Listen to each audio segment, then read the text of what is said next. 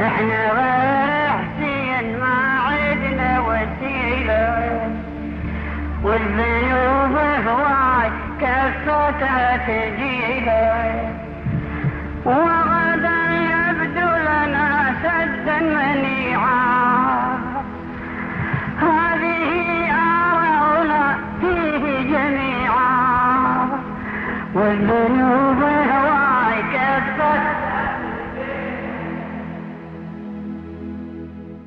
أهلا وسهلا فيكم حبايبي المستمعين. وعدنا لكم من جديد في الموسم الثاني من برنامجنا اللطيف بحضوركم وتشجيعكم. ومعاكم سوسن آل إدريس وبودكاست رحم الله والديك. برنامج خفيف أحكي لكم فيه حكاياتي وانطباعاتي في الحياة. اللي أرجو إنها تعزف على وتر في وجدانك ما سمعته من زمان أو كنت غافل عنه عشان بعد ما تسمعني تدعي لي وتقول رحم الله والديك.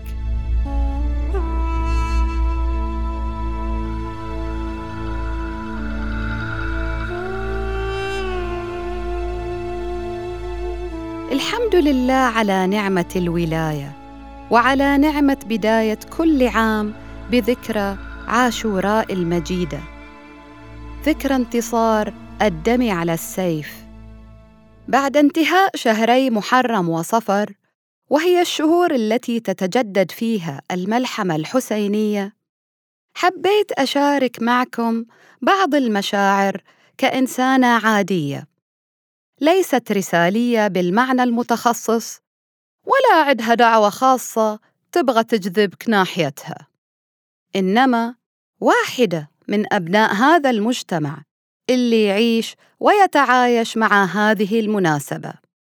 وإلى انطباعات وتعليقات مثل ما يحصل مع أي واحد منا. فخلينا نبتدي من البداية. كانت سنة دراسية طويلة. أطول سنة مرت علينا وعلى أولادنا. كثر التندر فيها وعلى طولها وإنه مرينا بمناسبات وحقب متعددة والسنة ذات الثلاث فصول صامدة. وجت الأجازة بعد فترة ليست بالقصيرة في شهري ذو الحجة ومحرم الحرام. كنت أقول لنفسي يعني يوم جينا بنرتاح صارت الأجازة في الشهرين الأكثر حركة. شهر الحج وشهر الحسين سلام الله عليه. يعني إحنا ما نرتاح أبد. الحج ما رحت لكن عاشور لازم أحييه أنا وأولادي ونعيش على أصوله. فذكرت المقولة اللي كنت أسمعها في مجالس العزا النسائية. عاشور من قال لك تجي؟ وفعلا ده اللي كان في راسي. عاشور من قال لك تجي؟ خلينا نستانس بكسل الأجازة شوي. المهم أنا مضطرة للاستسلام والإذعان وأبطل المقاومة الفكرية للمناسبة بأن لسه بدري عليها.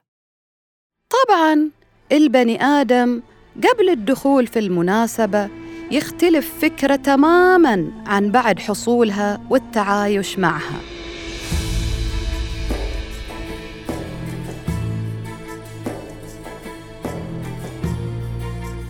تبدل الروتين وتغيرت القنوات اللي نشاهدها وحتى الكتب اللي أقراها.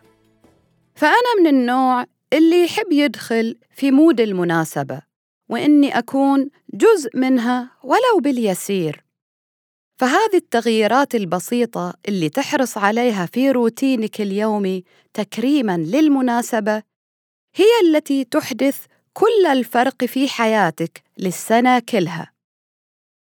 فاكتشفت روعة تجديد العهد وتجديد الحزن والتأمل في مجريات الأمور الماضية وعلاقتها بالحاضر.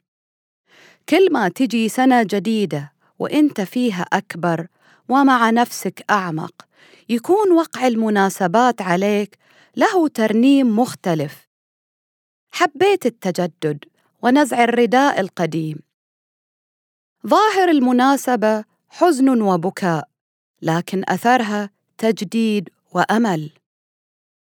أنا بالنسبة لي أيام محرم وصفر وما يحدث فيها هو عبارة عن نفض وتذكير من أجل تزكية النفوس وتعديل المعوج وتربية الأولاد على السلوك القويم ونبذ الكسل وتثقيف النفس. والعطاء والكرم الحسيني أمور كلها خير وبركة.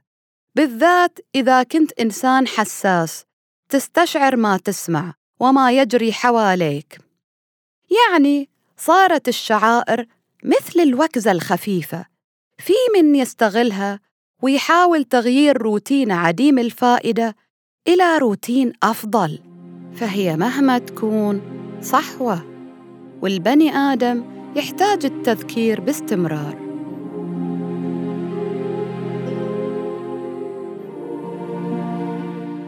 لكن طبعا إحنا نظل بشر ولينا أخطائنا حتى في الأيام اللي تغلفها البركات الإلهية والمحمدية.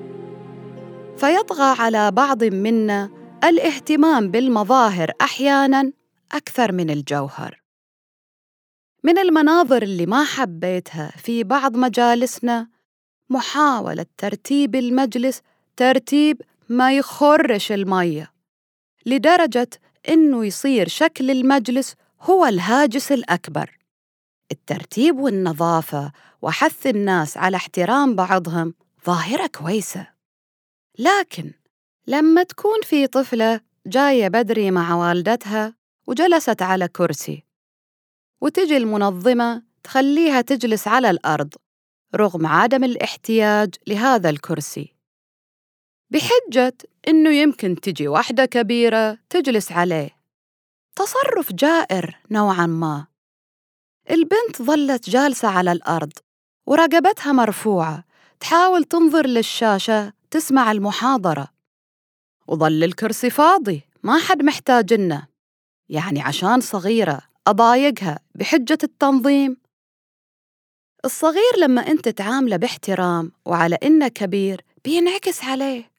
والعكس صحيح إذا انتقصت من مكانتك كإنسان كامل بيظل هو طفل ومصدر إزعاج لأنك أنت يا الكبير حطيته في خانة الصغير اللي جيته ما تستحق التقدير.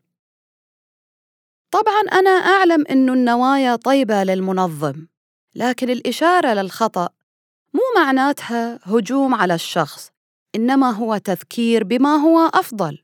وكلنا نحتاج تذكير ولسنا بمعصومين. المهم إنك تسمعني وأسمعك وترفق بي وأرفق بك.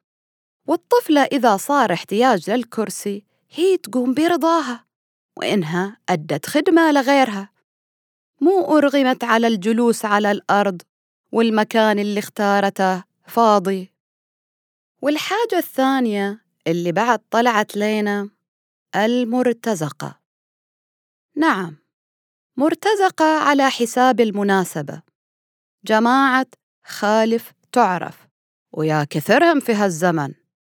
بس ما كان الواحد وده أبداً إنه يتم استغلال هالمناسبة الشريفة عشان تصير فلانة أو فلان trend لل social media. أطلع بكل فظاظة عشان أقول رأي بغيض باسم الصلاح وحرية الرأي. يعني أنت لما تسب غيرك تكون أصلحت حالة؟ النقد إذا ما أحد طلب منك فما إله لزمة. احتفظ برأيك لنفسك. وإذا بتتكلم تخير كلماتك وأسلوبك. أنت قاعد كفرد تنقد عمل إنسان فلا تكون متسلق على عمله من أجل شهرتك. خلي أساس شهرك هو عملك الخاص. ولا خلاص؟ صار التحلطم والسخرية من الآخرين هو أسهل طريق. اعلم يا متسلق إنك فرقاعة وقتية. تشغل الناس لحظة معينة.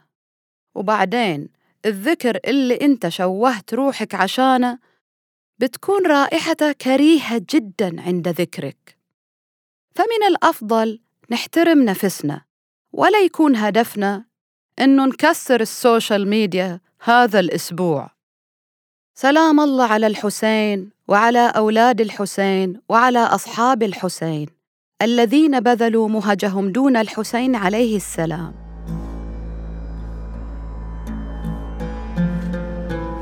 ونقول لكل من حرص على إحياء هذه الشعيرة ونقل الحرص لأولاده رحم الله والديك.